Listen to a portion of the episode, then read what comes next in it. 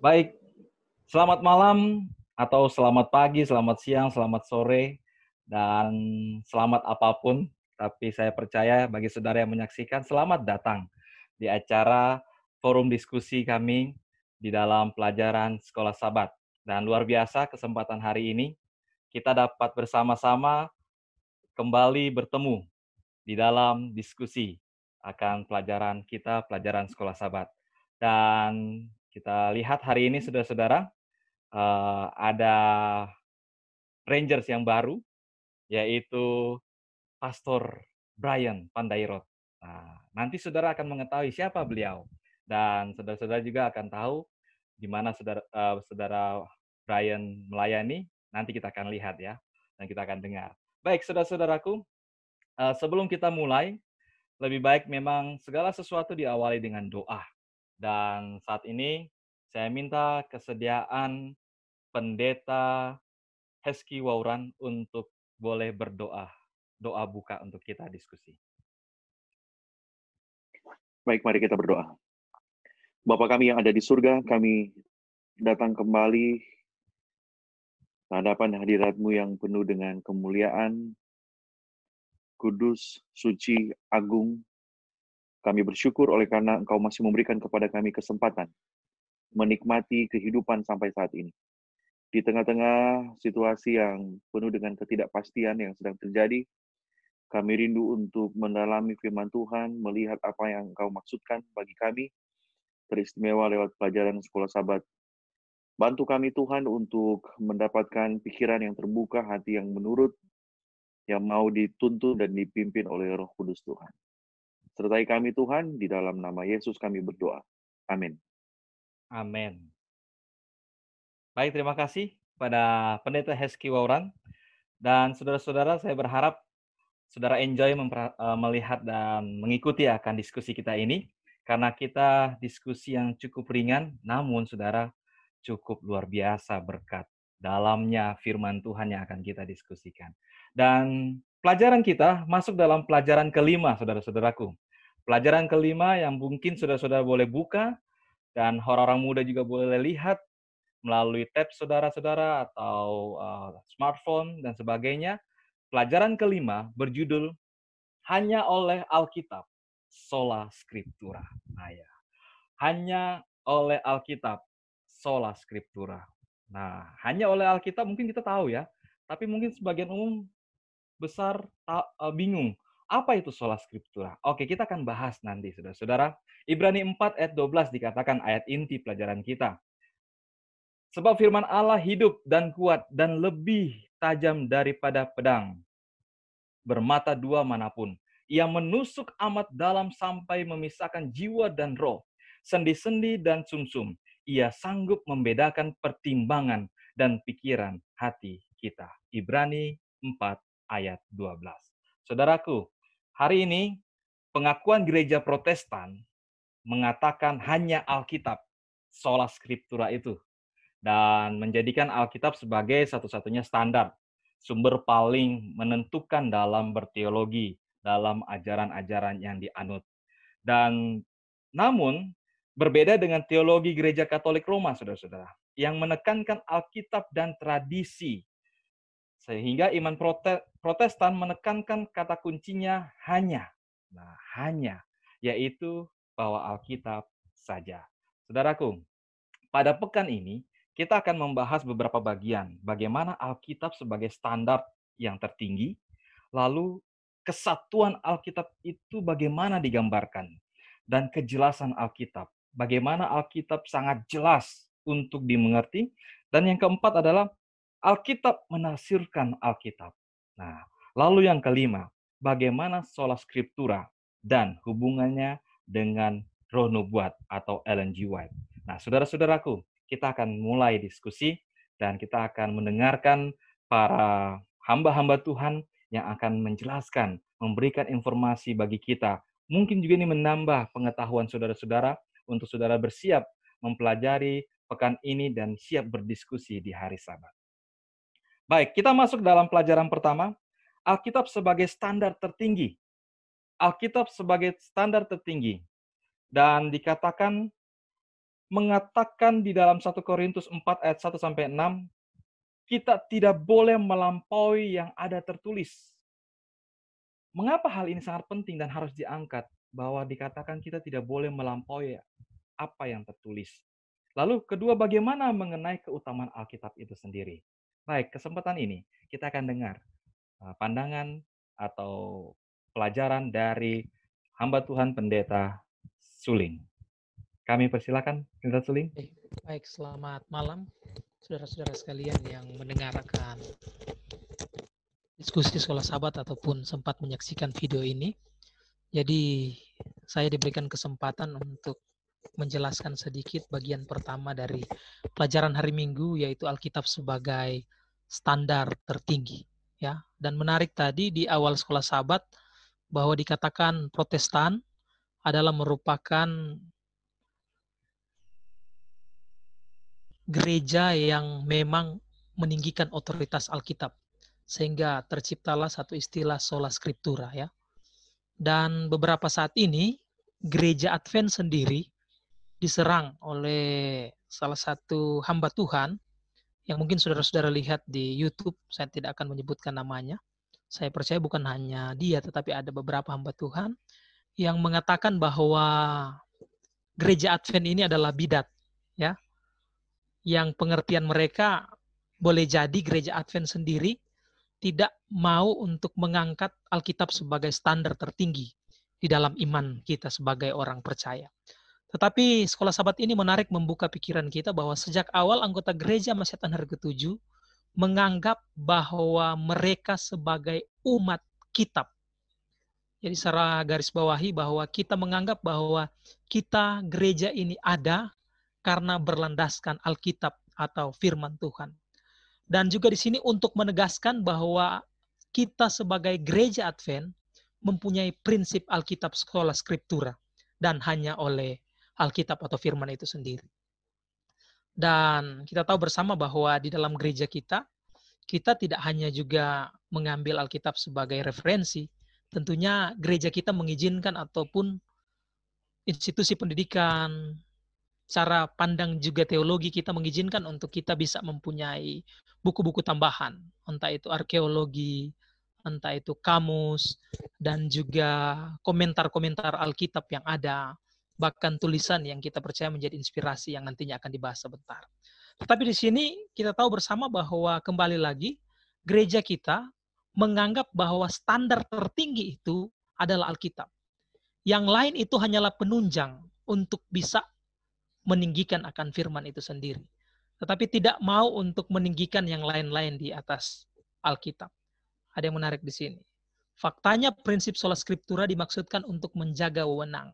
Alkitab dari ketergantungan terhadap gereja dan penafsirannya, serta menyingkirkan kemungkinan standar penafsirannya yang tidak Alkitabiah. Ya, selalu di dalam pelajaran yang kita diskusi, pelajaran sekolah sahabat, penulis sekolah sahabat, penulis renungan pagi, dan juga tokoh-tokoh gereja selalu merujuk kepada teks Alkitab. Untuk itu bersyukur pada kesempatan ini kita membedahi bagaimana cara mau belajar Alkitab yang sesungguhnya. Gereja Advent juga punya metode eksegesis, gereja Advent juga mempunyai metode-metode yang menunjang bahwa harus meninggikan Alkitab itu sendiri. Mungkin waktu saya terbatas, saya kembalikan kepada pembawa acara.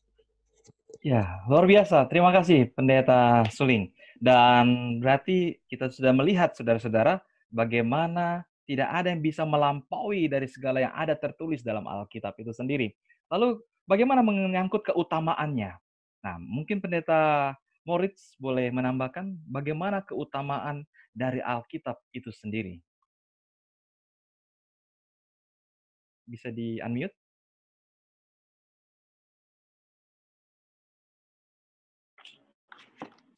Baik, shalom bagi kita semua, para pemirsa di mana pun berada.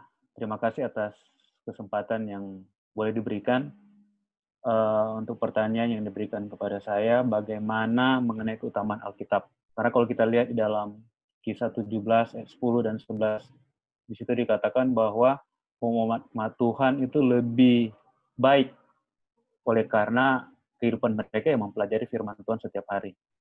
Dan uh, menurut saya di sini bisa dikatakan bahwa kita bersyukur kita sebagai orang Kristen, karena kan kalau kita semua ini adalah orang-orang yang ikut Yesus. Nah, tentunya sebagaimana Yesus pada waktu dia hidup, mungkin beberapa minggu yang lalu kita telah pelajari bahwa bila mana Yesus dicobai, yang dia kutip dari Alkitab. Ambil contoh di dalam Matius 4 ayat 3, ya dia kutip kitab suci dari perjanjian lama dalam ulangan 8. Kalau manusia hidup bukan dari roti saja, tapi dari setiap firman. Menandakan bahwa sesuatu atau Tuhan yang kita sembah, dia selalu mengutamakan kitab suci atau Alkitab. Sudah barang tentu bagi kita yang ada pada saat ini, harus kita utamakan adalah Alkitab. Walaupun memang seperti kalau kita pelajari dalam pelajaran hari Minggu, ada hal-hal tambahan yang bisa menunjang di dalam pelajaran Alkitab ada ilmu-ilmu yang lain. Tetapi kembali lagi harus kita mengutamakan Alkitab karena dengan kita mengutamakan Alkitab, kita boleh juga meneladani Yesus yang menjadi memberikan contoh kepada kita. Karena kalau kita tidak mengutamakan Alkitab, ya kita bisa memakai pemikiran kita sendiri. Karena kalau kita memakai pemikiran kita sendiri atau pemikiran orang lain di dalam menghadapi sesuatu, ya kita bisa salah jalan atau kita ya bisa jauh daripada Tuhan. Atau bisa juga seperti yang Pastor Suling katakan tadi, ada yang bisa merasa diri paling benar, bisa menyalahkan orang lain atau bisa menyalahkan satu organisasi.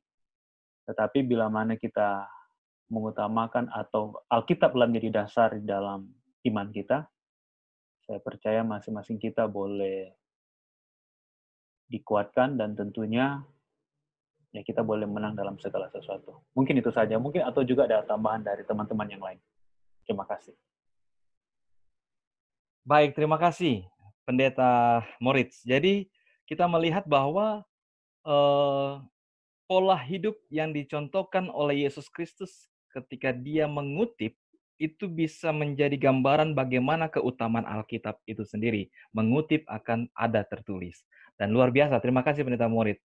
Dan mungkin ada tambahan lagi dari teman-teman, silakan angkat tangan jika ada tambahan dari teman-teman menyangkut Alkitab sebagai standar tertinggi di dalam poin bagian pertama ini. Ada yang ingin berikan tambahan?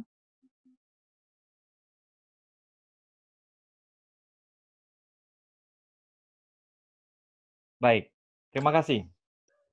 Dan dengan demikian saya percaya kita mendapatkan apa dan mengapa Alkitab sebagai standar tertinggi. Lalu, pertanyaan berikutnya atau menjadi uh, pembahasan kita yang selanjutnya adalah menyangkut kesatuan Alkitab. Kita tahu Alkitab ditulis di dalam waktu, zaman, periode yang berbeda dan bukan periode dan tahun yang dekat, cukup jauh sekali. Dan ini melihat apakah dengan jarak itu ada kesatuan di dalam Alkitab dan apakah Alkitab itu adalah suatu yang bisa kita lihat menjadi satu bentuk yang satu di dalam penulisan di dalam Alkitab itu sendiri dengan fakta eh, tulisan-tulisan yang ditulis di dalam waktu yang berbeda, tempat yang berbeda, di zaman yang berbeda, periode yang berbeda. Nah, ada pertanyaan yang menarik di sini. Mengapakah kesatuan Alkitab itu sangat penting bagi kepercayaan kita? Mengapa keutuhan kesatuan Alkitab itu sangat penting? Ini yang mungkin kita akan lihat dan kita akan pelajari bersama. Lalu bagaimana mengatasinya? Karena ada perbedaan waktu, periode dan uh, pola tulisan yang sangat eh, berbeda, mengatasi tentang teks atau ide yang tampaknya tampaknya saling bertentangan. Nah, ini yang mungkin kita perlu tahu jawabannya. Saya akan serahkan ini kepada pendeta pertama kali untuk pendeta Clary Koimim. Oke, silakan pendeta Clary. Oke, terima kasih banyak. Saya coba untuk uh, menggapi akan pertanyaan yang pertama ini. Kenapa ya Alkitab itu dia kesatuannya sangat penting bagi kepercayaan kita. Jadi ada yang coba untuk membagi-bagikan Alkitab. Uh, mudah-mudahan suara saya bisa kedengaran. Jadi ada yang coba untuk membagi-bagikan Alkitab. Perjanjian lama sudah tidak digunakan. Atau mungkin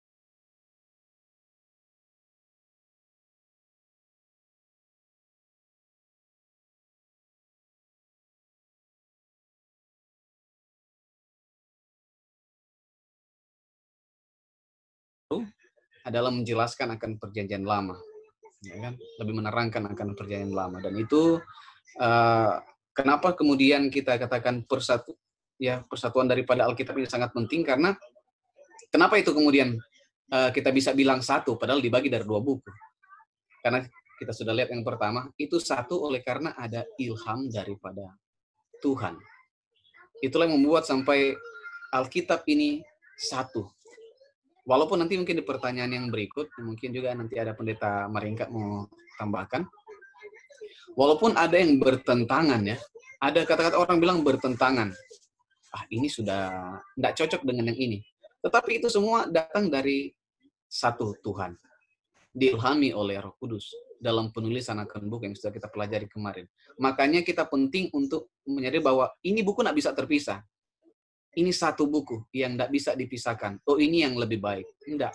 Karena buku perjanjian lama mendasari akan perjanjian baru. Dan perjanjian baru tidak menggantikan perjanjian lama. Itulah kenapa. Karena kenapa? Karena didasarkan oleh ilham dari roh kudus.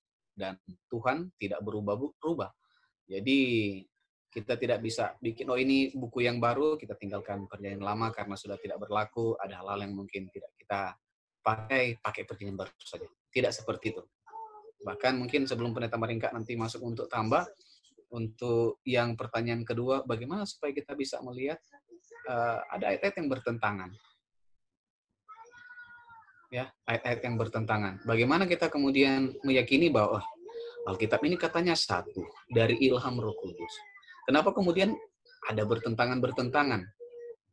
Kita tahu Alkitab adalah eh, kita percaya Alkitab ya hanya Alkitab saja, sola scriptura atau Alkitab sebagai dasar. Dibilang sebagai dasar bukan dalam hal ini bukan satu-satunya. Istilahnya bukan cuma itu. Dalam mempelajari Alkitab ada buku-buku lain, informasi lain yang tentunya kita bisa pakai untuk menjelaskan akan maksud daripada Alkitab itu sendiri. Kenapa? Karena kita berbeda latar belakang dengan penulis, tidak tahu tempat. Jadi ada hal-hal yang mungkin kita orang Indonesia kita kita nak tahu banyak dengan uh, cara penulisan, tata bahasa, kemudian kenapa itu kemudian uh, siapa yang tulis, mungkin kaum awam pun tidak tidak banyak yang tahu tentang ini. Jadi saya pernah uh, dengar seorang profesor katakan uh, intinya adalah bahwa Alkitab itu bu, kita bisa menggunakan sumber-sumber yang lain, tetapi semuanya harus tunduk kepada Alkitab.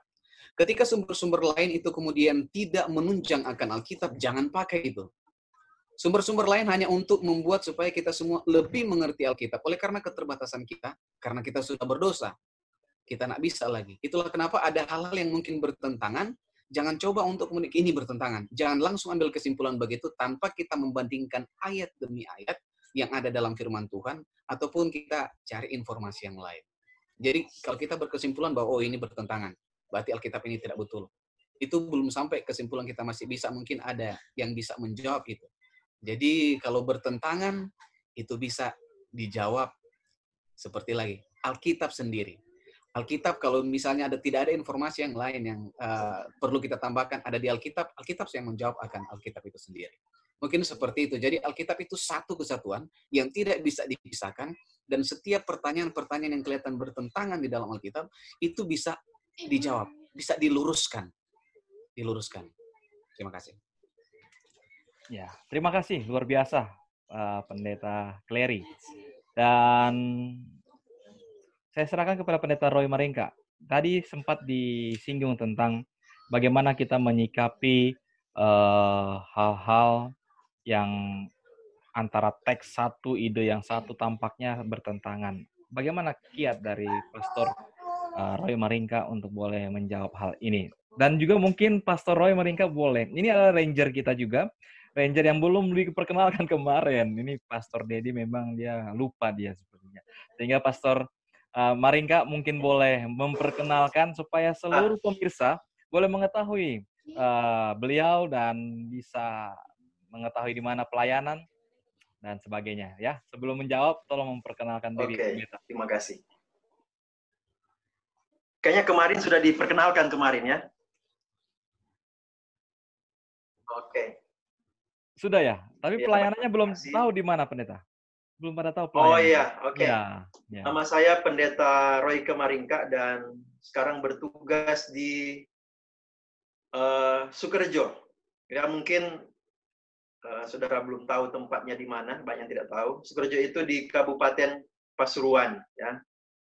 Dan saya sekarang mengembalakan dua jemaat, jemaat Sukorejo dan jemaat Pandaan. Hmm. Oke, jadi tempat tugas saya itu di Conference Jawa Kawasan Timur. Siap. Baik, demikian Siap. perkenalan. Terima kasih pendeta. Ya, terima kasih. Oke, pertanyaannya tadi. Halo? Tadi bagaimana menyikapi? Bagaimana kita menyikapi tentang ketika kita para pembaca menghadapi teks ide yang tampaknya saling bertentangan. Yang sedangkan kita tahu katanya Alkitab itu satu. Tapi bagaimana jikalau itu terlihat tampaknya ya sebuah pertentangan? Menyikapinya dan tips yang mungkin bisa dibagikan bagi kita.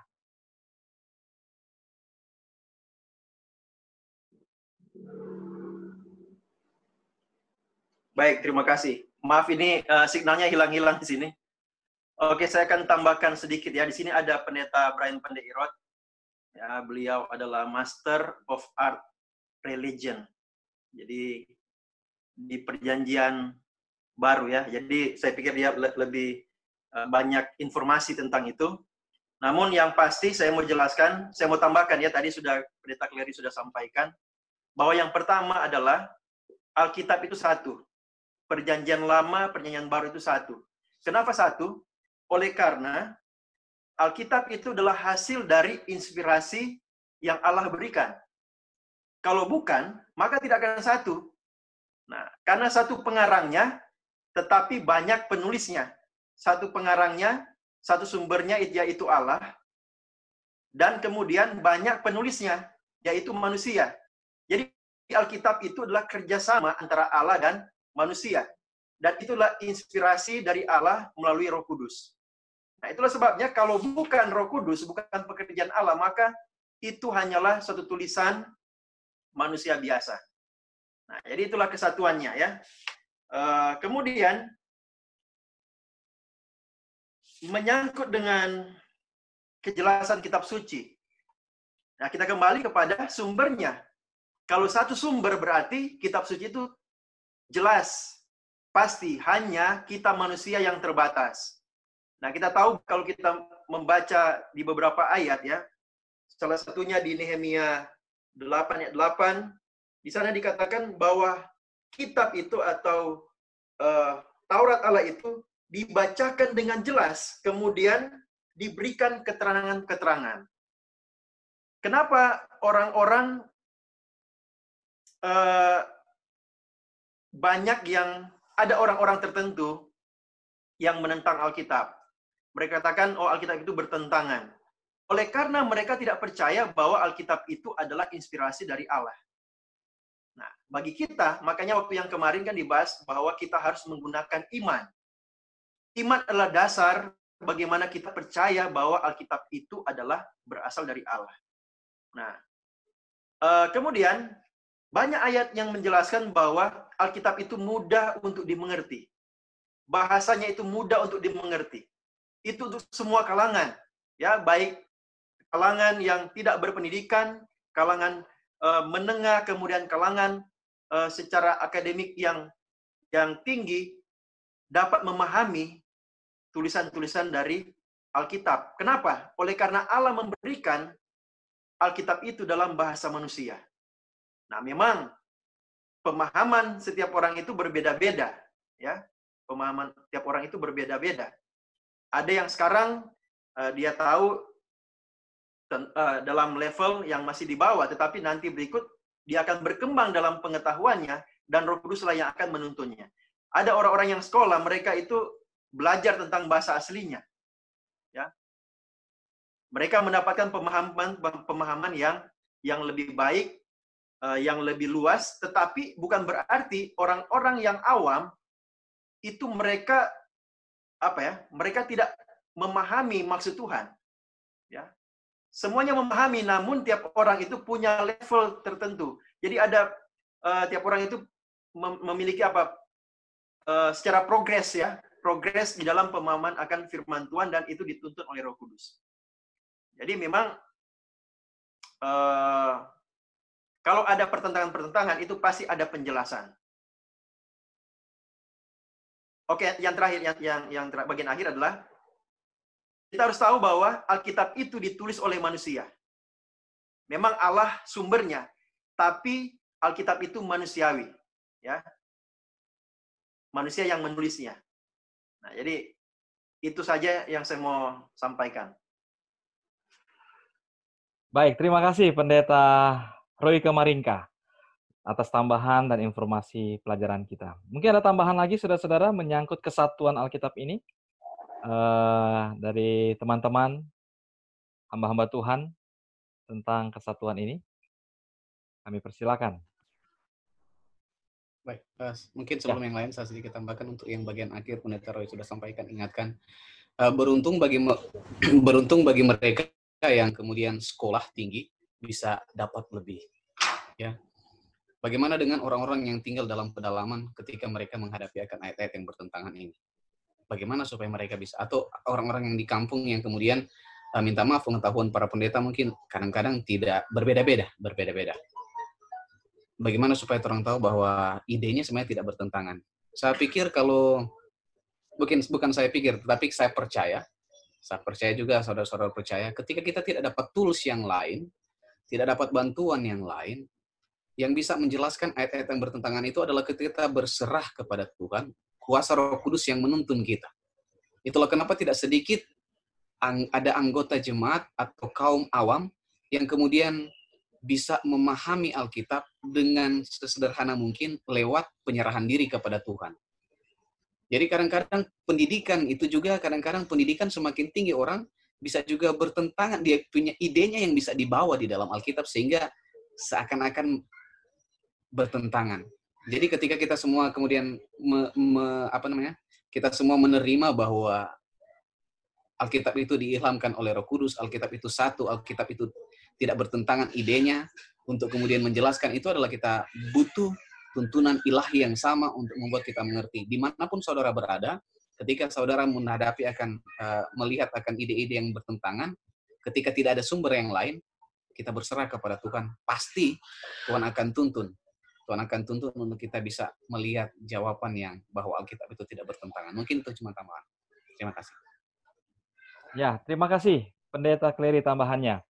Jadi menarik ya saudara-saudara, ini bicara tentang kesatuan Alkitab. Jadi dari perdebatan atau pendapat yang telah diberikan memang kita lihat uh, sebuah tantangan yang luar biasa bahwa uh, sepertinya sulit mempersatukan atau melihat kesatuan Alkitab itu. Tapi faktanya benar, firman Tuhan adalah pernyataan, sumbernya dari Tuhan, maka Tuhan adalah Esa satu dan kita percaya firman Tuhan Alkitab itu adalah kesatuan yang utuh. Dan kita akan membahas pelajaran berikut ini menarik lagi, saudara. Ini tadi sebelumnya bicara tentang kesatuan. Lalu ini tentang kejelasan. Jadi sepertinya tadinya tidak satu, sekarang ini ah, seperti tidak jelas Alkitab itu. Sekarang berbicara tentang kejelasan Alkitab. Nah, ini menarik saudara-saudara. Apakah uh, ada di sisi Alkitab bahwa Alkitab itu tidak jelas, tidak tahu dari mana, tidak tahu bagaimana maksud dan tujuannya, atau hanya sebagai seperti pelajaran lalu hanya ah itu tradisi saja. Oke, saudara-saudara, hari ini dan saat ini kita akan masuk dalam mengenai kejelasan Alkitab. Apa yang dimaksud dengan kejelasan Alkitab? Dan dikatakan Yesus saja sering berulang kali mengatakan ini tentang bagaimana Alkitab itu, tentang kejelasannya. Lalu bagaimana cara menyikapi saat kita tidak mendapatkan pemahaman? Nah, tadi bicara kesatuan mendapati sesuatu yang bertentangan, tapi ini mendapati yang apa bagaimana kita tidak mendapatkan pemahaman. Artinya tidak clear, tidak jelas dalam pelajaran atau firman Tuhan Alkitab itu sendiri sampaikan. Nah, hari ini saat ini kita akan berikan kesempatan kepada Pendeta Heski Wauran yang mungkin akan memberikan juga pelajaran tentang bagaimana menyangkut kejelasan Alkitab ini. Kami persilakan Pendeta Heski. Baik, terima kasih Pendeta Chris dan rekan-rekan pendeta yang lain bersama para penonton ya.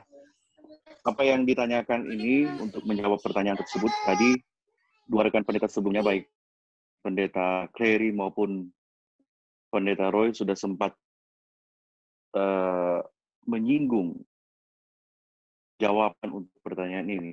Begini, semua sebutan bahwa hanya Alkitab sajalah atau sola scriptura itu akan mentah, itu tidak akan menjadi kenyataan kalau Alkitab kalau Alkitab itu tidak dapat dijelaskan. Jadi kalau kalau bilang Alkitab itu sola scriptura, ya itu tidak masuk akal kalau Alkitab itu tidak dapat dijelaskan. Kenapa? Karena tadi sudah disebutkan tidak ada sumber yang lain untuk menjelaskan Alkitab. Jadi kenapa itu disebut sola scriptura? Karena dia dapat menjelaskan dirinya sendiri. Tidak masuk akal kalau uh, penyebutan sola scriptura kalau Alkitab itu tidak. Wujud kejelasan Alkitab tadi pendeta Roy sudah sampaikan juga dari orang yang level pendidikan tertinggi sampai kepada level pendidikan yang uh, dasar dapat mengerti Alkitab itu. Memang ada ruang untuk kita tidak dapat mengerti sepenuhnya dari Alkitab itu. Oke, yang pertama, Alkitab itu sangat jelas. Cukup jelas. Karena sebutan skriptura itu sesuai dengan tema kecil kita minggu ini, itu tidak akan serta-merta uh, kuat kalau Alkitab itu jelas. Kalau Alkitab itu tidak jelas, sementara tidak ada yang lain, hanya sola scriptura, kita mau pakai sumber apa untuk menjelaskan ketidakjelasan itu? Oke, itu yang pertama. Yang kedua, dari wujud kejelasan ini, Alkitab itu jelas. Yang saya mau katakan, tadi juga sudah sempat disinggung, saya senang pendeta Kleri sudah menyinggung tadi, bahwa ada yang mengatakan perjanjian lama sudah nggak perlu, perjanjian baru saja. Oke, kita ketika kita berbicara perjanjian lama, perjanjian baru, Alkitab, kita berbicara dua. Perjanjian lama, perjanjian baru. Kita berbicara dua. Alkitab itu pernyataan Tuhan tentang rencana penebusan umat manusia. Alkitab itu adalah rencana penebusan Tuhan untuk manusia yang dikalimatkan dalam bahasa manusia yang dapat dimengerti. Kita sudah bahas sebelumnya. Oke, okay? jadi itu adalah uh, pengkalimatan rencana penebusan. Nah, kalau bilang rencana penebusan, yang harus dimengerti adalah rencana penebusan itu sendiri. Segala sesuatu di luar rencana penebusan itu, keselamatan itu, itulah yang disebut dengan ada ruang yang kosong yang tidak dapat dimengerti. Jadi ruang ini, tetapi yang jelas dari keseluruhan Alkitab haruslah pekabarannya. Haruslah kenapa Alkitab itu ditulis. Untuk apa? Karena Alkitab adalah sure guide, ya uh, penuntun yang pasti untuk mendapatkan keselamatan. Ini yang jelas dimengerti. Nah, perjanjian lama, perjanjian baru. Kalau ada orang yang tidak menerima perjanjian lama, yang mana dulu? Kalau berbicara perjanjian lama, itu berarti berbicara dua. Kitab-kitab di dalam perjanjian lama, atau rencana penebusan dalam kalimat manusia di dalam perjanjian lama. Kalau bilang buku-buku, kejadian sampai uh, Meleaki. Tetapi ketika berbicara rencana penebusan di dalam perjanjian lama, itu adalah apa yang Tuhan kalimatkan kepada apa yang Tuhan berikan kepada penulis Alkitab yang mereka kalimat tentang rencana penebusan di dalam perjanjian lama. Apa itu? Potong domba, selamat untuk menghapus dosa. Ada kematian domba ketika mulai di Taman Eden. Ini adalah gambaran rencana penebusan di dalam bentuk lambang. Nah kita, kita orang Advent, kalau mau bilang tidak menerima perjanjian lama, benar. Dalam konteks tidak lagi menerima rencana dosa, tidak lagi menerima gambaran praktek penebusan dosa perjanjian lama. Tidak. Kita tidak potong domba, kita tidak membawa binatang untuk mendapatkan pengampunan dosa. Itulah sebabnya ada perjanjian baru. Jadi ketika berbicara perjanjian lama, itu berbicara sistem sistem penebusan di dalam perjanjian lama atau buku-buku dalam perjanjian lama. Yang kita terima yang berlaku sampai saat ini buku-buku yang ada. Sistem penebusan di dalam perjanjian lama tidak berlaku ketika Yesus katakan sudah selesai. Nah, perjanjian baru adalah sistem keselamatan yang merupakan inti dalam dalam Alkitab yang dinyatakan. Kalau di dalam perjanjian lama hanya potong-potong-potong binatang selamat, di dalam perjanjian baru lambangnya dipenuhi lewat kematian Yesus. Nah, ini yang kita terima. Jadi makanya praktek uh, praktek korban potong domba itu untuk mendapatkan keselamatan, pengampunan dosa tidak lagi dijalankan oleh gereja Advent, bukan menolak perjanjian lama. Sistem penebusan di dalam perjanjian lama yang tidak lagi berlaku. Di dalam perjanjian baru itu yang kita terima, yaitu kematian Yesus sudah dibayar. Nah, itu jadi ketika berbicara Alkitab yang jelas itu adalah pesan utamanya. Kejelasan mengenai keselamatan itu jelas. Makanya Yesus katakan di dalam ulangan pasal 4 ayatnya yang kedua, jangan kamu tambah lagi. Jangan kamu kurangi. Kenapa? It's very clear, karena susah, sudah sangat jelas katanya. Sudah sangat jelas untuk konsep keselamatan. Untuk konsep rencana penebusan itu. Jadi tidak ada lagi uh, uh, ketidakjelasan. Alkitab itu tidak ambigu ya dalam pelajaran sekolah sahabat kita, tidak tidak ragu-ragu. Dia dia jelas sekali mengatakan. Kemudian yang yang kedua saya mau uh, yang berikutnya saya mau tekan. Karena boleh yang lain kita tidak mengerti. Boleh yang lain kita tidak mengerti. Karena kita punya pelajaran sebelumnya mungkin kita sudah membahas bahwa Alkitab itu bahasa Ellen White infinite ideas dari surga, ide-ide yang tidak terbatas dari surga yang hanya sekedar sebisa mampu manusia untuk mengkalimatkan. Hanya mampu itu. Nah, yang saya mau katakan adalah jangan kita hilang atau jangan kehilangan konsep utama dari Alkitab itu, yaitu kejelasan cara manusia untuk diselamatkan. Coba perhatikan, tiga pasal perjanjian, eh, tiga, tiga tiga fase pembukaan kitab perjanjian lama itu berbicara tentang dosa dan akibatnya. Tiga pasal perjanjian baru terakhir, buku Wahyu itu uh, akhir jalan keluar dari dosa dan pembunuhannya dikembalikan kepada dikembalikan ke taman itu. Coba perhatikan, ketika Tuhan mencari Adam dan Hawa, dia bertanya, manakah? Ini ini jelas bahwa konsep utama kitab itu ada adalah untuk usaha Tuhan memberikan rencana penebusan itu. Dia tanya, di manakah? Karena dia mau menyelamatkan.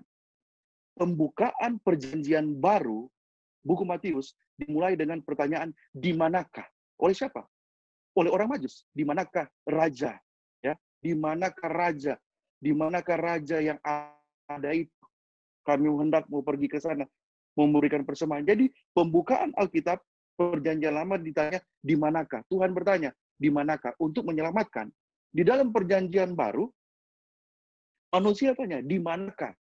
Jadi konsep keselamatan ini jelas di dalam Alkitab. Perjanjian lama Tuhan mau mengatakan, saya berniat untuk menyelamatkan. Kejadian 3 ayat 15 dinyatakan di situ. Pembukaan perjanjian baru, manusia yang sadar bahwa manusia itulah yang butuh keselamatan. Jadi Alkitab itu jelas di dalam hubungannya, di dalam uh, perannya untuk menyatakan rencana Tuhan menebuskan menebus manusia. Kalau ada tadi pertanyaan selanjutnya itu adalah uh, kalau ada hal-hal yang tidak dapat kita pahami. Roh Kudus itu cukup mampu untuk memberikan penjelasan kepada setiap orang yang dengan hati terbuka membelajar Alkitab. Jadi Roh Kudus itu dapat memberikan penjelasan untuk hal-hal yang sangat sulit dimengerti. Tetapi walaupun jadi gini, yang terakhir yang saya mau katakan, kita jangan terput ber, eh, ber, berpolemik untuk sesuatu hal yang nantinya akan menghambat ataupun menghilangkan makna Alkitab sebenarnya yaitu keselamatan segala sesuatu belajar Alkitab, kita harus, uh, kalau saya pribadi, kita harus kembali kepada makna Alkitab itu sendiri, yaitu aku datang untuk mencari dan menyelamatkan yang hilang. jelas sekali Alkitab. Alkitab itu bukan tidak jelas. Alkitab itu jelas di dalam maknanya sebenarnya, yaitu untuk memberikan formula bagaimana solusi dosa itu bisa diselesaikan. Mungkin teman-teman yang lain mungkin bisa menambahkan. Terima kasih kepada Pendeta Hesky. Jadi bagaimana pemirsa? Saudara-saudara, hai guys orang-orang muda, sudah jelaskah? Atau belum jelas? Baik, saudara-saudara, ya ini cukup dalam sekali. Dan saya percaya penjelasan ini sudah membantu kita mengerti tentang penjelasan atau kejelasan dalam Alkitab. Tapi saya minta tambahan lagi, saudara. Dari hamba-hamba Tuhan yang lain, boleh angkat tangan. Ya, Pendeta Brian. Uh, karena Pendeta Brian akan berbicara, boleh memperkenalkan diri juga Pak Pendeta, supaya kita para pemirsa boleh mengenal dan saudara-saudara orang muda juga boleh mengetahui. Ya, silakan. Baik, selamat malam. Uh, terima ya. kasih untuk kesempatan indah ini dan uh, ya.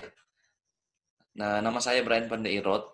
Saya bertugas sekarang di Jemaat Eklesia Kaima di daerah Misi Minut Bitung. Jadi ini agak jauh di Indonesia uh, Indonesia Timur dan saya di Sulawesi Utara. Nah, mungkin sedikit tambahan mengenai tadi ada dibahas tentang sesuatu yang tidak dimengerti dalam Alkitab. Tidak dimengerti itu ketika bilang ketika berbicara mengenai sesuatu yang tidak dimengerti itu sangat relatif. Ya, jelaslah karena ada tadi sudah dibahas ada uh, porsi-porsi tertentu, ada bagian-bagian tertentu yang bagaimanapun kita coba, kita tidak akan bisa mengerti. Contoh saya kasih contoh. Di dalam Wahyu 10, di situ ada cerita mengenai tujuh guru. Dan di situ dikatakan, meteraikan apa yang dikatakan tujuh guru itu. Walaupun kita coba, coba, gali-gali bagaimanapun, ketika itu dikatakan dimeteraikan, kita tidak bisa menemukan artinya. Kita tidak bisa mengerti karena memang sudah di, ditutup, sudah di, di, dimeteraikan. Jadi ini seperti ini. Kemudian ada lagi contoh Leviathan. Kita bisa cari legenda apa pun. Uh, intinya itu semua tidak ada hubungan dengan keselamatan kita itu hanya sebagai seperti uh, cuman detail-detail kecil, cuman hal-hal kecil yang ada dituliskan di dalam Alkitab yang hubungan mungkin dengan uh, budaya atau apa sesuatu di dalam um, uh, di zaman itu. Tetapi untuk keselamatan Alkitab ini sudah sangat jelas, sudah cukup jelas seperti yang sudah disampaikan oleh uh, pendeta Heskiwaran tadi. Jadi ketika bicara mengenai sesuatu yang tidak jelas, uh, mungkin saran saya kita tidak perlu mencari-cari sesuatu yang aneh-aneh, kemudian kita berusaha menafsirkan apa itu. Jadi kita lihat saja kesederhanaan kita, kita lihat itu untuk berguna untuk kita boleh uh, kita boleh uh, dikuatkan, kita boleh dibangun. Nah, usah cari, tidak usah cari yang yang aneh-aneh, sesuatu yang wah, sesuatu yang yang uh, fenomenal. Sementara itu tidak membantu di dalam keselamatan kita. Mungkin itu sedikit uh, tambahan dari saya. Terima kasih, terima kasih Pendeta Brian Pandairot. Jadi luar biasa, saudara-saudaraku, ayo orang muda. Forum ini sangat diberkati oleh karena uh, hari ini kita bertambah ranger yaitu Pendeta Brian dan kita bersyukur kita boleh mendapatkan lagi pengetahuan ya saudara dan ini luar biasa men menambah uh, kekuatan kebangunan iman rohani kita.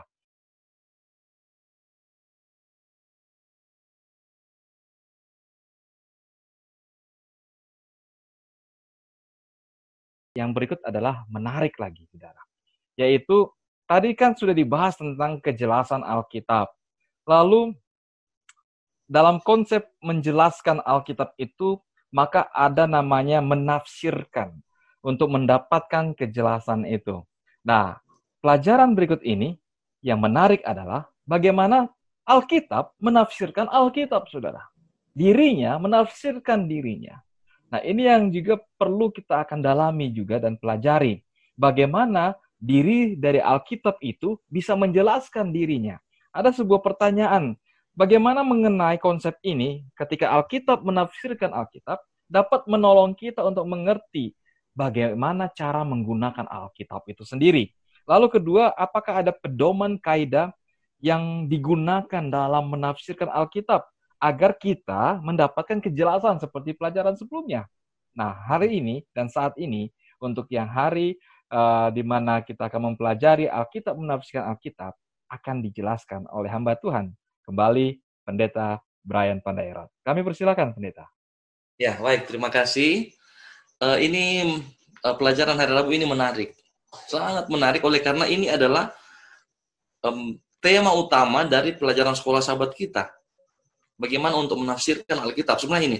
Dan sebenarnya itu ini ini akan dipelajari lebih jelas pada pelajaran pada minggu yang akan datang. Tetapi ini sebenarnya sudah sudah sangat baik untuk jadi pendahuluan kita bagaimana cara kita menafsirkan Alkitab. Sebenarnya apa itu menafsirkan? Apa kata tafsir? Mungkin itu sedikit dari bahasa Yunani hermeneuo. Artinya adalah to explain in word, menjelaskan dalam kata. Jadi sesuatu yang yang abstrak, sesuatu yang tidak jelas, sekarang kita akan jelaskan di dalam kata. Nah, sekarang kenapa harus dijelaskan? Apakah Alkitab tidak tidak jelas? Kenapa harus ditafsirkan? Apakah Alkitab itu tidak jelas? Tadi sudah dikatakan Alkitab itu sudah sangat jelas. Cuma masalahnya ada keterbatasan budaya. Tadi sudah disinggung. Ada keterbatasan budaya, keterbatasan uh, sosial, keterbatasan politik yang berbeda dengan zaman kita sekarang. Ini ada ribuan tahun dia punya beda. Dan itu sering membuat ada gap-gap yang harus kita jembatani. Dan kenapa kita menafsirkan adalah untuk membuat jembatan untuk menghubungkan antara kita zaman milenial ini dengan ribuan tahun lalu di zaman Musa belum ada internet di sana. Masih ada mungkin eh, ada tablet, ada tablet tetapi tablet of stone itu dua loh batu itu, bukan tablet seperti sekarang. Jadi kira-kira um, itulah kenapa kita tafsirkan oleh karena kita bisa untuk kita bisa mengerti apa maksud yang ditul yang apa yang dimaksudkan oleh penulis di zaman dahulu. Jadi untuk itulah kita uh, berusaha untuk menafsirkan apa yang apa yang ada. Ah, mungkin saya sedikit kasih cerita. Ini saya ada sedikit yang saya tertarik dengan kalau ada yang perhatikan debat capres waktu lalu antara uh, Pak, Prabowo, uh, Pak Prabowo dan uh, Pak Jokowi. Ini bukan un untuk mendiskreditkan atau uh, menyalahkan satu, satu calon, tetapi yang menarik adalah ketika uh, Pak Jokowi bertanya mengenai um, satu istilah unicorn. Ketika dia bertanya pada Pak Prabowo, bagaimana ini cara Bapak untuk membangun infrastruktur yang bisa mem meningkat membangun unicorn? Nah, ini Pak Prabowo dia bertanya, unicorn yang online-online gitu ya? Oh iya, iya, iya. Jadi ceritanya langsung nyambung. Bagaimana kalau seandainya ketika di debat seperti itu langsung bilang, oh unicorn yang yang kuda begitu, kemudian ada tanduk, oh ya caranya begini, mungkin kita langsung buat kandang yang besar, kita buat penangkaran, kita buat uh, apa um, pembibitan yang yang hebat supaya binatang itu boleh maju. Nah, itu contohnya. Itu akan sangat jauh dia punya konteks, akan jadi jadi rancu, jadi jadi lucu, jadi aneh ketika itu disalah mengerti. Jadi, kenapa Alkitab harus diinterpretasi? Kenapa harus ditafsirkan? Kenapa harus dijelaskan? Supaya kita bisa mengerti maksud asli dari penulis penulis Alkitab itu. Seperti tadi kata uh, unicorn, ketika kita salah mengerti makna itu, maka itu akan jadi berbeda jauh dengan yang dimaksudkan di pembicaraan yang sementara berlangsung. Jadi kalau kita berbicara mengenai dongeng, pasti kita bicara mengenai kuda terbang. Tetapi ketika bicara mengenai dewasa ini, ekonomi, maka itu akan menjadi ya bisnis-bisnis online seperti yang dijelaskan di debat tersebut. Nah, sekarang kita kembali ke Alkitab. Uh, ketika oh ya uh, sebelum itu saya ingin uh, ya saya ingin menjelaskan ada dua konsep yang ya agak berbeda agak berbeda di dalam penafsiran Alkitab. Kadang uh, kita datang pada Alkitab, kita datang belajar, kita buka Alkitab, kita uh, meditasi uh, dengan konsep yang sudah ada di dalam diri kita. Nah, ini yang dikenal dengan exegesis. Contoh ya, saya sudah punya konsep bahwa semua makanan boleh dimakan. Oh ini semua makanan boleh dimakan, semua daging, semua binatang boleh dimakan. Ketika saya datang di Markus 7, Markus 7 ya, bukan yang uh, masuk yang um, yang menajiskan tetapi yang keluar yang menajiskan. Wah, betul. Berarti semua makanan Yang penting tidak muntah, aman. Oh, kita datang di kisah pasal 10. Apa yang dihalam, dihalal, dihalalkan Allah, jangan kamu haramkan. Oh, betul. Artinya semua hantam saja. Sudah dihalalkan. Apakah seperti itu? Inilah penafsiran yang dinamakan seperti eisegesis. Ketika kita datang membuka Alkitab, kita sudah punya konsep di kepala. Konsep contoh seperti tadi. Uh, semua makanan itu boleh dimakan. Kita datang dengan konsep seperti itu. Dan ketika kita buka Alkitab, kita mencari-cari ayat-ayat yang mendukung konsep yang saya sudah pegang. Jadi Alkitab kehilangan dia punya essence, dia punya arti. Kita seperti memperkosa Alkitab. Nah, ini yang dikatakan seperti eisegesis. Kita memaksakan ide kita untuk mempelajari Alkitab. Nah, eh, baru-baru ini, mungkin di Indonesia Timur, lagi tren dengan um, satu konsep yaitu Wednesday Crucifixion. Ya, mereka baca ada beberapa ayat di dalam Injil yang mengatakan bahwa Yesus itu Yesus itu di, disalibkan pada hari Rabu. Ya, berdasarkan katanya dari uh, Matius 12 tanda Yunus, Yesus harus berada di kubur tiga hari tiga malam. Jadi artinya Yesus bangkit pada uh, minggu dini hari, berarti Yesus dikuburkan kira-kira sekitar hari Rabu. Nah, kadang-kadang seperti itu. Ketika kita sudah punya konsep di kepala dan kita datang di Alkitab, maka Alkitab itu kehilangan maknanya. Nah, tetapi ini eisegesis.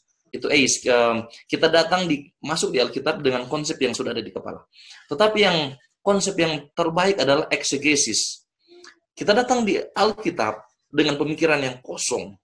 Tidak ada mungkin tidak tidak ada motif apa-apa. Kita datang murni untuk mencari kebenaran. Dan ketika kita datang, kita buka Alkitab, kita biarkan Alkitab berbicara untuk kita. Kita biarkan Alkitab menunjukkan makna yang sebenarnya. Kita biarkan Alkitab untuk menjelaskan siapa dirinya seperti yang sudah dijelaskan tadi. Maka kita akan menemukan ini uh, harta ataupun um, berlian-berlian yang sangat berharga di dalam Alkitab. Jadi mungkin sedikit, seperti sedikit mengenai ini ada exegesis dan exegesis. Ah, mungkin saya minta maaf saya agak agak panjang di sini. Tetapi saya ingin uh, kembali kepada tadi. Bagaimana cara Alkitab menafsirkan Alkitab? Di pelajaran hari Rabu sebenarnya sudah sangat jelas, tapi saya ingin membuat itu lebih uh, lebih uh, step to step, step by step, langkah demi langkah. Ketika kita mempelajari Alkitab, ketika kita ingin menjelaskan, mendapatkan pengertian Alkitab, bagaimana cara kita untuk mengerti, untuk menafsirkan, untuk um, menggali akan Alkitab tersebut. Ya, tadi mungkin um, sudah dijelaskan bagaimana keutamaan Alkitab itu di atas segala sesuatu. Ya mungkin kita bisa pakai concordance, mungkin kita bisa pakai komentari, uh, komentar Alkitab, ada Bible, uh, SDA, BC, kemudian ada pilar komentari, ada banyak, ada Henry komentari, ada banyak komentar-komentar Alkitab terhadap teks-teks ataupun ayat-ayat tertentu dalam Alkitab. Tetapi saya ingin katakan, semua komentar itu bersifat komentar. Artinya itu bukan final decision. Kalau kita buka semua komentar, pasti akan ada perbedaan di antara komentar-komentar tersebut. Jadi jangan puas dengan komentar Alkitab kita sudah buka. Uh, Pillars komentari, Henry Henry's komentari. Ah sudah, itu yang paling betul. Betul. Oh, kita singkirkan dulu semua komentar Alkitab itu bisa membantu kita untuk melihat apa yang apa yang ada, tetapi bukan itulah final. Uh, kita singkirkan mungkin ini uh, uh, uh, buku-buku sejarah, buku-buku arkeologi, kita mungkin singkirkan dulu. Itu bisa membantu, itu bisa membantu, tetapi itu bukan yang turut, bukan yang terutama. Sudah dibahas tadi, sudah dibahas tadi. Nah, yang paling penting yang pertama ketika kita membuka Alkitab adalah kita datang berdoa, kita uh, meminta kehadiran Roh Kudus. Itu yang paling penting di ada di sekolah sahabat ini. Kemudian kita datang dengan hati yang terbuka. Kita datang dengan hati yang terbuka. Ada banyak orang datang buka Alkitab sudah memiliki konsep dan dia menutup akan hatinya untuk berubah. Sudah berapa orang yang saya coba diskusi tentang satu konsep dan mereka menolak berubah oleh karena mereka menolak menerima apa yang ditulis di Alkitab oleh karena mereka sudah punya konsep. Dan ini akan agak susah ketika kita datang sudah punya konsep dan kita tidak mau berubah. Sangat penting kalau kita datang di Alkitab dengan kerendahan hati untuk menerima apa yang dibu, di, dikatakan oleh Alkitab. Nah, kemudian dia, uh, juga dengan kesungguh-sungguhan. Kesungguh-sungguhan. Nah, kenapa sungguh-sungguh? Karena ya itu yang pertama ya, kita datang dengan konsep uh, berdoa, sungguh-sungguh dan hati yang terbuka. Langkah yang kedua, ketika kita uh, kita datang untuk mempelajari Alkitab adalah kita baca ayat itu. Kita baca ayat itu. Contoh di dalam um, kisah 10, apa yang dihalalkan Allah jangan kamu haramkan. Kita baca itu berulang-ulang. Ulang, ulang, ulang, dan ulang-ulang. Kita baca ayat itu ulang, ulang, ulang, ulang sampai kita mungkin hafal. Karena dengan begitu kita akan mendapatkan mungkin ada sesuatu pemahaman baru ketika kita mengulang akan uh, pembacaan Alkitab. Dan penekanan saya adalah baca. Jangan dengar orang lain. Kadang-kadang kita datang di Alkitab cuma dengar, oh menurut pendeta, dibilang ada di ayat Alkitab bahwa ayat seperti ini. Sementara kita tidak pernah baca. Saya mengatakan kita datang di Alkitab, baca. Apakah betul seperti itu? Saya kasih contoh. Uh, ketika ada banyak orang katakan bahwa Yunus itu uh, dia dimuntahkan di di di uh, pinggir kota Nineveh. Tapi sebenarnya bukan demikian. Dia harus berjalan uh, cukup jauh untuk masuk ke kota tersebut. Kalau kita baca di dalam Alkitab di asli di di teks yang asli. Intinya adalah baca. Kita baca, baca dan baca. Kemudian yang uh, ketiga, tadi baca sudah. Kita coba lihat dari segi bahasa. Di dalam pelajaran sekolah sahabat, disarankan untuk kita melihat bahasa asli. Bahasa asli perjanjian lama adalah bahasa Ibrani, dan sebagian ada bahasa Aramaik, kemudian bahasa asli perjanjian baru adalah bahasa Yunani. Tetapi mungkin ada keterbatasan-keterbatasan kita, mungkin uh, ya kita tidak ambil bahasa, mungkin ada sebagian anggota jemaat atau pemuda-pemuda yang tidak ambil mata kuliah Greek ataupun Hebrew. Tetapi, um, oh ya, tapi sekarang ada banyak aplikasi yang boleh kita gunakan. Ada Bible Works, sana ada Izord, sana ada uh, kemudian ada Bible Bible Bible Hub, Bible Hub yang kita bisa gunakan untuk melihat apa arti di dalam uh, arti dari uh, bahasa asli tersebut. Mungkin kita bisa gunakan, kita bisa gunakan. Uh, seandainya pun tidak bisa, kita bisa gunakan terjemahan Alkitab yang ter, yang paling mendekati terjemahan Alkitab. Ada banyak terjemahan Alkitab, ada selain bahasa Indonesia, uh, terjemahan baru ITB. Mungkin kita bisa juga lihat ke bahasa Inggris, ada King James, ada NIV, ada RSV. Eh, kita bisa lihat terjemahan-terjemahan yang dekat dengan dengan uh, uh, dengan teks tersebut, dengan teks tersebut. Nah, kemudian sesudah kita lihat bahasa, kita lihat, ah, kita lihat konteks. Kita lihat konteks. Nah, ini yang paling penting adalah konteks. Ketika kita mencari arti dari satu kata, jangan dulu cari tempat lain, jangan dulu cari tempat lain, kita lihat dulu konteks di situ. Ketika kita membicara berbicara mengenai Wahyu 10, jangan dulu cari konteks di di Matius atau di Wahyu, kita cari dulu konteks di Wahyu uh, kisah pasal 10. Karena biasanya di konteks itu Di situlah kita temukan jawaban. Sudah kalau lihat ini polisi-polisi, ketika ada kasus uh, kejahatan, maka sangat penting bagi mereka untuk pergi ke TKP.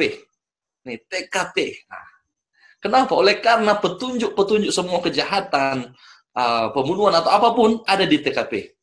Jejak-jejak ataupun ada ada uh, clue-clue itu semua ada di TKP. Begitu pula ketika kita datang mempelajari Alkitab, Eh, penjelasan ataupun arti dari sesuatu teks itu itu sebagian besar ada di TKP. TKP-nya adalah konteks. Apa itu konteks?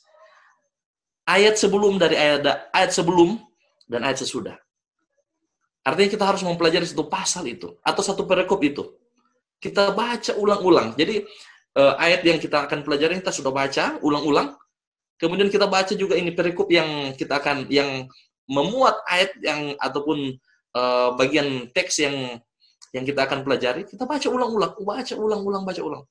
Dan ada banyak kali, ada uh, sering sekali kita menemukan kebenaran ketika kita membaca akan ulang-ulang. Membaca itu berulang-ulang, berulang-ulang, berulang-ulang. Nah, kemudian ini konteks, itu konteks ada konteks yang dekat. Itu dikatakan ini di sini uh, immediate konteks atau konteks yang terdekat. Jadi kita lihat di ayat sebelum ayat sesudah. Kadang juga kita harus melihat ini um, broader konteks, konteks yang lebih luas. Di sekeliling TKP kata yang tadi. Di sekeliling TKP mungkin kita bisa lihat pasal sebelumnya berbicara apa mengenai ini di wahai, uh, kisah pasal 9 mungkin atau kisah pasal 11, 14, 15. Kadang-kadang di sekeliling TKP atau di sekeliling konteks itu kita bisa mendapatkan petunjuk untuk penafsiran ataupun penjelasan dari ayat yang kita yang kita perlukan. Jadi kita harus lihat ini konteks. Kita harus lihat konteks. Dan kemudian terakhir adalah kita lihat ini intertestamental uh, study atau kita lihat bagaimana digunakan itu di dalam Alkitab di dalam di perjanjian yang lain. Contoh misalnya kisah 10 kita boleh lihat di dalam perjanjian baru, perjanjian lama. Ketika dikatakan apa yang sudah yang dihalal dihalalkan Allah, kita lihat ternyata kita dapati di perjanjian lama di imamat ada katakan ada haram ada halal. Jadi kita kita coba bandingkan itu yang terakhir kita coba bandingkan dengan bagian-bagian um, lain di Alkitab, mungkin di Matius di buku-buku yang lain ataupun mungkin di perjanjian yang lain. Dengan demikian kita boleh mendapatkan pemahaman dari ayat yang kita yang kita inginkan. Contoh seperti tadi, ketika kita berbicara mengenai apa yang dihalalkan Allah, kalau kita baca konteks, ternyata kita dapati sesuatu yang dihalalkan Allah itu adalah mengenai penginjilan kepada orang-orang kafir. Orang-orang eh, orang-orang uh, yang tidak bersunat. Bukan bicara mengenai makanan. Bukan bicara makanan. Konteks juga di dalam kisah 10 adalah tidak ada disebutkan, dicatat bahwa Petrus menyembeli dan memakan binatang-binatang yang ada di dalam mimpinya itu. Jadi intinya adalah kita harus mempelajari konteks, kita mempelajari akan bagian-bagian uh, lain di Alkitab. Bagian-bagian lain. Tetapi yang penting adalah kita baca, baca, baca, berulang-ulang, berulang-ulang, berulang-ulang. Mungkin uh, demikian kita kita masih akan membahas ini di uh, minggu yang akan datang. Ini sangat menarik, sangat menarik. Tetapi mungkin demikian uh, karena waktu, waktu sangat terbatas, saya kembalikan pada pemimpin diskusi. Terima kasih.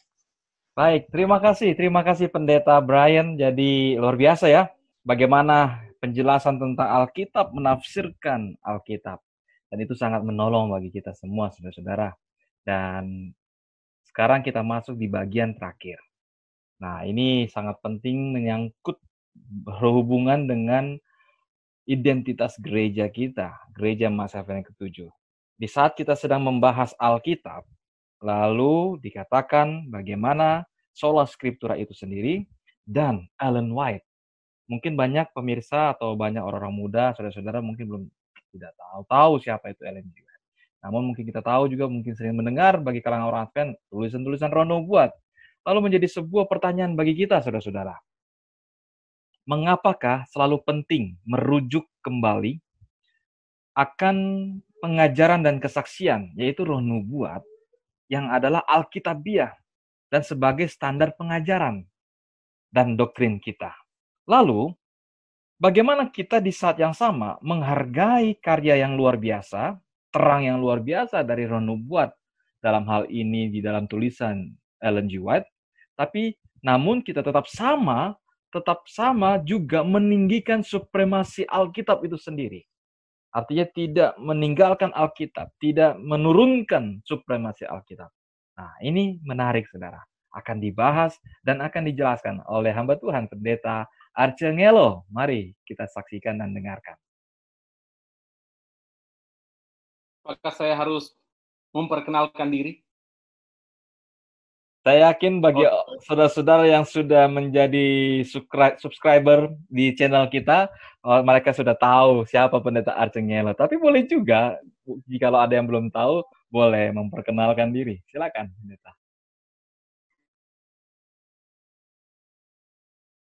Sebetulnya hanya baik terima kasih uh, singkat saja barangkali nanti teman-teman juga boleh memberikan uh, tambahan dalam pelajaran hubungan antara sola scriptura dan eh, tulisan-tulisan dari Ellen G. White. uh, sola scriptura kan hanya Alkitab uh, dari Martin Luther, tokoh reformator Protestan. Dia punya konsep sola scriptura yang kita sudah pelajari tadi. Sebetulnya dia punya maksud adalah cara beragama, beriman, dan berkeyakinan haruslah hanya berdasar pada Alkitab. Itu maksudnya sola scriptura.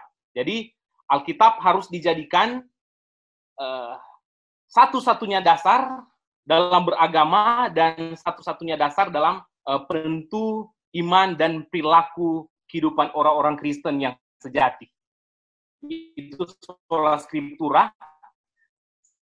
Sehingga dalam pelajaran hari uh, Minggu yang sudah dijelaskan tadi, saya ingin uh, kutip kembali. Ini tokoh reformator, Martin Luther, dia katakan begini, Alkitab saja menjadi tuan dan penguasa yang benar atas semua tulisan dan pengajaran di bumi.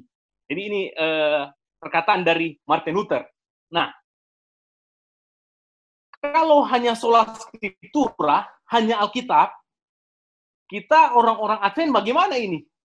Kita punya uh, nabi ya, yang kita akui dia nabi ya, Ellen G. White. Dia memberikan banyak tulisan-tulisan. Dan sekarang pertanyaan, kalau hanya Alkitab, bagaimana dengan tulisan-tulisan yang dicatat lewat pena inspirasi dari Ellen G. White.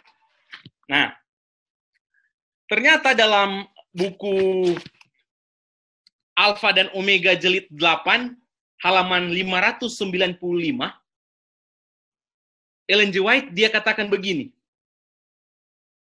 Alkitab adalah wewenang tertinggi dan norma terakhir serta standar tertinggi untuk semua doktrin, iman, dan perbuatan.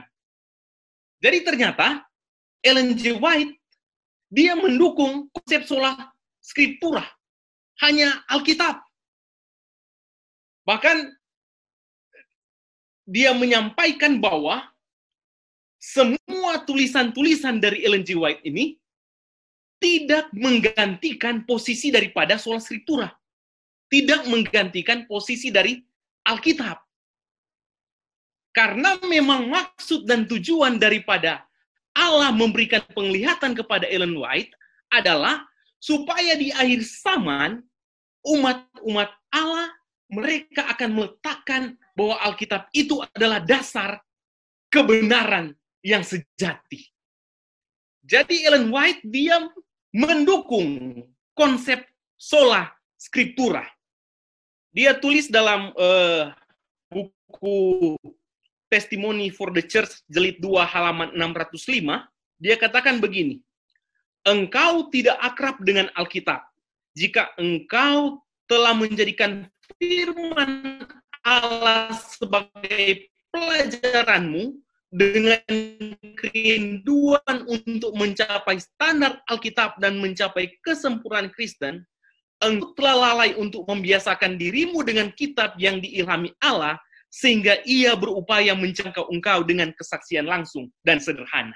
Jadi ternyata Ellen White dia uh, menyatakan bahwa bila mana sebetulnya kita menjadi uh, seorang yang tekun mempelajari Alkitab, kita tidak perlu juga mempelajari tulisan-tulisan Ellen White. Tapi karena kita punya banyak kelemahan, maka ini tulisan Ellen White yang merupakan terang yang ke, eh, yang lebih kecil untuk menuntun pria dan wanita kepada terang yang lebih besar, dia berikan supaya kita apa? Dikatakan di sini supaya bisa menjangkau bagi mereka yang belum terlalu tekun mempelajari Alkitab. Jadi untuk pelajaran hari Kamis ini, saya senang dengan catatan uh, pelajaran sekolah sabar. Dia sampaikan bahwa tulisan-tulisan yang disampaikan oleh Ellen White memiliki ilham, tetapi mereka memiliki fungsi yang berbeda dari Alkitab. Tulisan-tulisannya bukan tambahan untuk Alkitab, tetapi tunduk kepada Alkitab. Ellen White tidak pernah bermaksud agar tulisannya menggantikan kitab suci, namun sebaliknya ia meninggikan Alkitab sebagai satu-satunya standar untuk iman dan perbuatan. Jadi, Mrs. White, dia sangat meninggikan Alkitab, Bible. Oleh karena itu, barangkali eh, yang kita bisa ambil di sini, eh, kita jangan pernah menjadikan tulisan daripada Ellen White sebagai fondasi daripada dogma-dogma di dalam Alkitab. Ya. Karena Alkitablah satu-satunya dasar kita beriman, dan itu dipraktekkan oleh gereja kita. Gereja masih Advent hari ketujuh. Sola Scriptura. Terima kasih.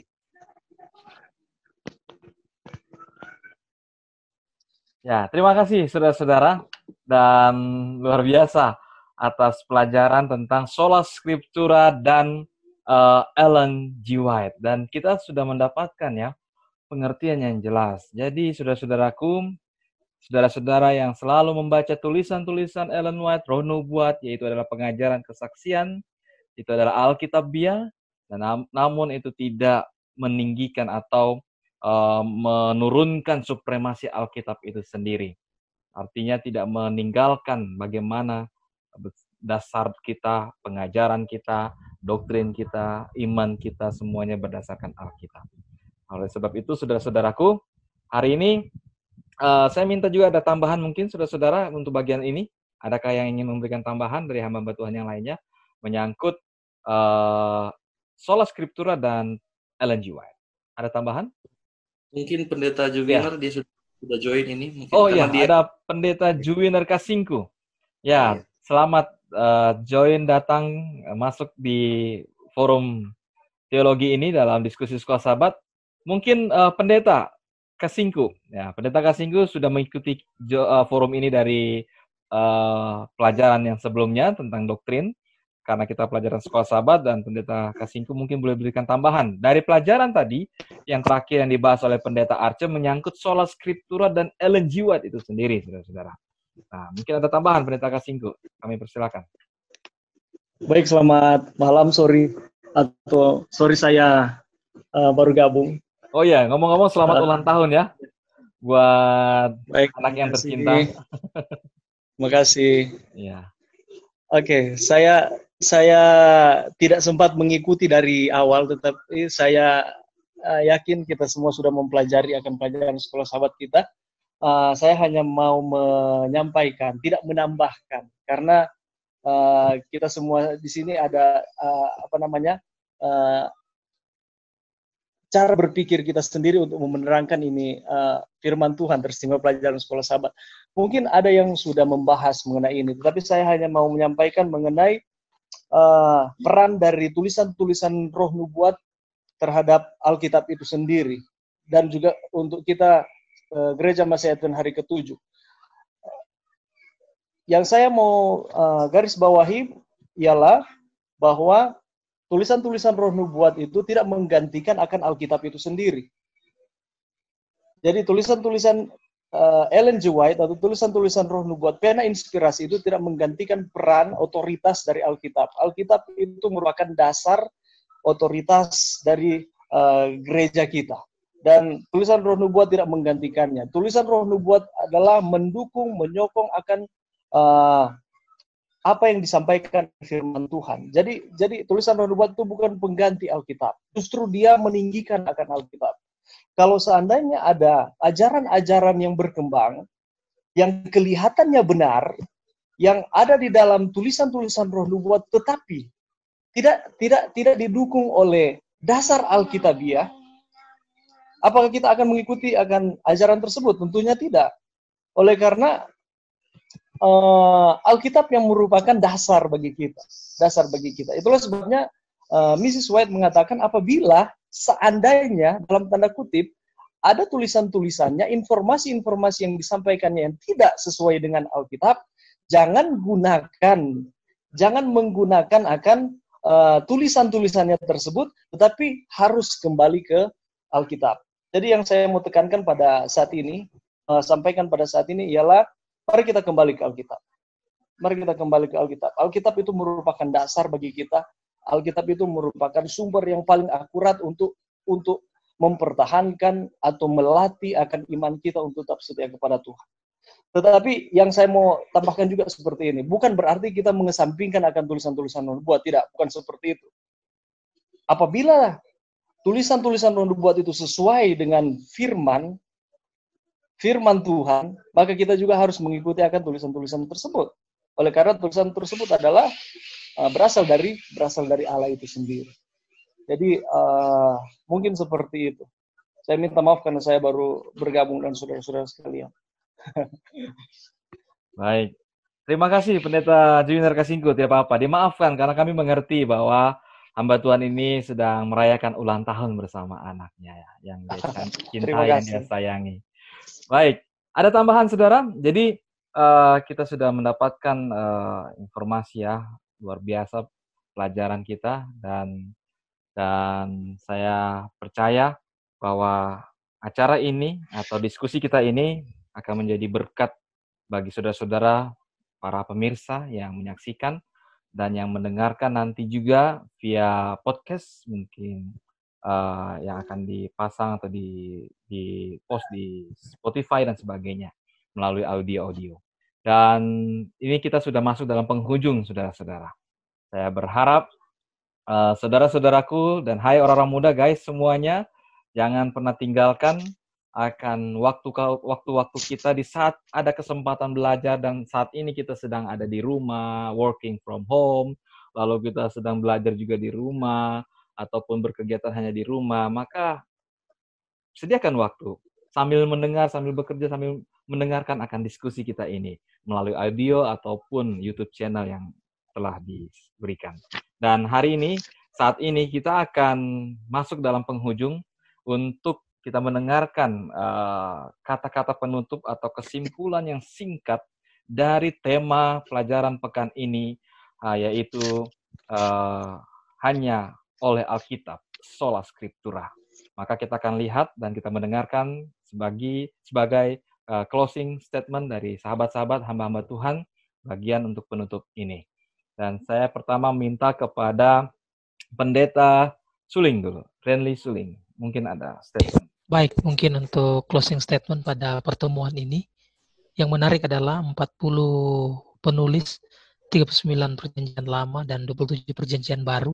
Mereka tidak bertentangan. Dan mereka merupakan penulis yang pengarangnya atau sumbernya daripada Tuhan. Yang menjadi masalah adalah kita sebagai pembelajar Alkitab yang bertentangan. Itu kita harus kembali seperti pendeta Brian katakan tadi. Dan satu ayat mungkin sebagai penutup, Raja Daud katakan, kecaplah dan lihatlah betapa baiknya Tuhan itu.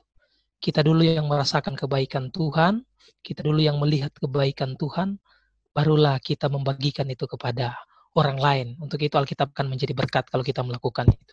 Tuhan memberkati. Amin, amin. Terima kasih. Berikutnya Pendeta Moritz. Kami persilakan.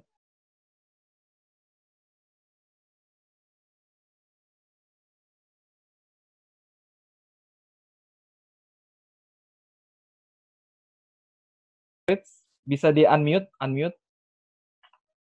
Oke. Okay. Ya, uh, dari saya hanya singkat aja, karena saya percaya semua yang telah kita dengarkan tadi yang sudah disampaikan sangat menguatkan. Dan untuk kita yang sedang berdiskusi dan juga untuk pemirsa yang di mereka berada, dari saya hanya satu ayat, uh, Mazmur 119 ayat 105, firmanmu itu kita baca iku dan terang bagi jalanku. Biar Alkitab yang menjadi penuntun dan firman dan kehidupan kita.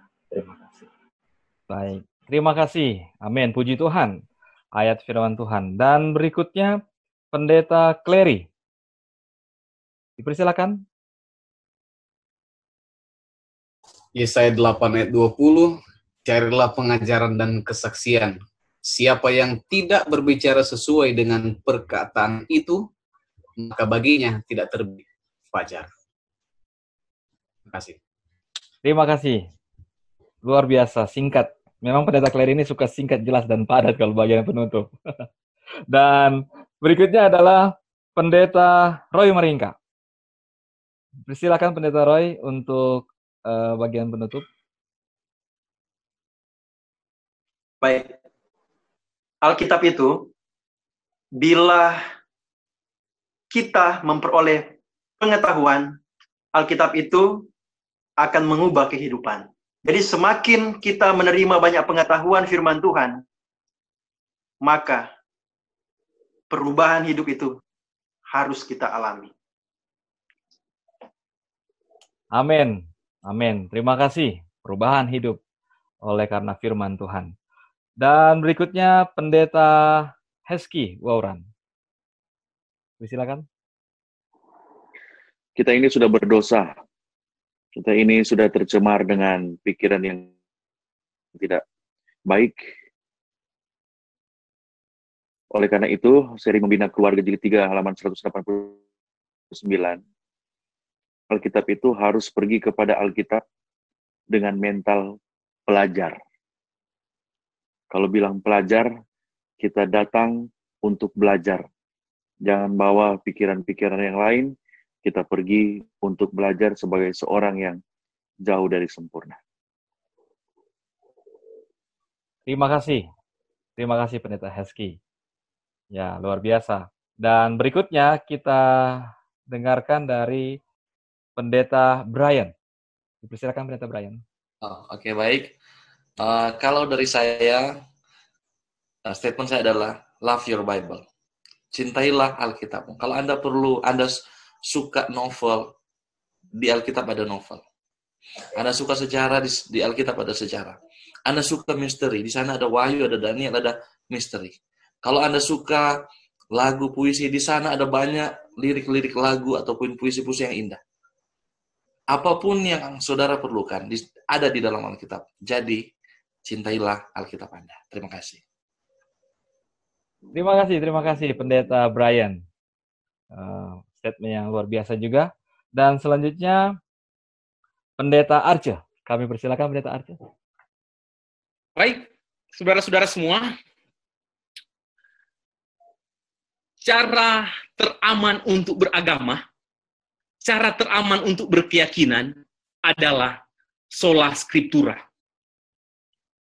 Sebab Yesaya 40 ayat 8 katakan, rumput menjadi kering, bunga menjadi layu, tetapi firman Tuhan Allah kita tetap untuk selama-lamanya. Terima kasih Pendeta Arcangelo. Luar biasa dan puji Tuhan. Dan terakhir Pendeta Juwiner Kasingku untuk statementnya. Ini harus cukup panjang kayaknya karena masuk terakhir ini. Baik, saya hanya mau lihat hubungan antara uh, hubungan antara uh, tulisan-tulisan roh nubuat dan juga Alkitab itu sendiri. Tulisan-tulisan roh nubuat atau tulisan-tulisan dari Mrs. White itu merupakan tulisan-tulisan yang diilhamkan oleh Allah itu sangat penting bagi kehidupan rohanian saudara dan saya, tapi yang perlu kita ingat bahwa itu tidak boleh digunakan sebagai jalan pintas untuk mempelajari Alkitab dengan dengan cermat. Meskipun kita dapat memperoleh wawasan yang mental-mental begitu penting di dalam kehidupan kita, itu atau tulisan-tulisan nubuat itu bukanlah pengganti untuk penyelidikan menyeluruh atas Alkitab itu sendiri. Jadi jangan kita dasarkan iman kita hanya kepada tulisan-tulisan roh nubuat saja, lalu kita mengesampingkan akan Alkitab tersebut. Tetapi marilah kita membuat Alkitab itu sebagai sumber kita yang paling utama. Dan setelah itu, tulisan-tulisan nubuat itu dapat mengikutinya. Sehingga uh, cara belajar kita, cara mempelajari akan firman Tuhan itu lebih terarah dan lebih daripada itu kita boleh lebih lebih uh, dekat dengan uh, Tuhan. Jadi seperti itu dari saya. Terima kasih. Baik, amin. Pujilah Tuhan dan terpujilah nama Tuhan. Terima kasih. Saudara-saudaraku, demikianlah forum teologi kita. Kami telah bisa uh, berdiskusi bersama-sama dan biarlah segala diskusi ini menjadi uh, pengetahuan bagi saudara-saudara yang mendengarkan, yang menyaksikan, sehingga ini boleh menambah, mempersiapkan diri untuk hari ini, pekan ini, dan berdiskusi di hari sabat yang mendatang. Dan saudara-saudaraku, untuk mengakhiri dari forum teologi ini, kami mengundang Pendeta Brian untuk boleh mengakhiri dengan doa tiga. Baik, mari kita tunduk kepala, kita berdoa. Kami bersyukur Tuhan oleh karena kesempatan indah kami boleh mempelajari akan satu seri pelajaran sekolah sabat yang boleh menuntun kami untuk mempelajari Alkitab. Biarlah engkau meteraikan pelajaran ini di dalam hati kami, sehingga kami boleh menjadikan Alkitab sebagai satu standar yang tertinggi. Kami boleh berusaha untuk mendapatkan kebenaran-kebenaran yang indah kami boleh menafsirkan ataupun mencari mengerti akan apa yang tertulis di dalamnya untuk kehidupan kerohanian iman kami lebih dekat dengan Tuhan. Engkau berkati akan umat-umat Tuhan yang mendengarkan atau mengikuti akan program ini. Kiranya Tuhan akan berkati di dalam kehidupan mereka masing-masing, berkati akan keluarga masing-masing, berkati akan pekerjaan di dalam semua aktivitas. Kiranya Tuhan akan berikan keberhasilan. Dan Tuhan, terlebih Tuhan akan berikan waktu, Tuhan akan berikan komitmen, kemauan untuk menyelidiki akan firman Tuhan. Berkati untuk hamba-hamba Tuhan yang sudah membahas akan pekabaran ataupun pelajaran demi pelajaran, kiranya Tuhan akan memberkati pelayanan di mana pun mereka ditempatkan. Dan Tuhan akan memberkati keluarga masing-masing, dan terlebih yang uh, Sementara persiapan untuk pernikahan Tuhan akan berkati di dalam pernikahan dan kami semua dapat selalu memuji membesarkan nama Tuhan. Terpujilah nama Tuhan karena kami berdoa di dalam nama Yesus Tuhan dan juru selamat kami. Amin. Amin. Baik saudaraku, Amen. demikianlah forum teologi kita sampai bertemu di diskusi selanjutnya. Tuhan memberkati.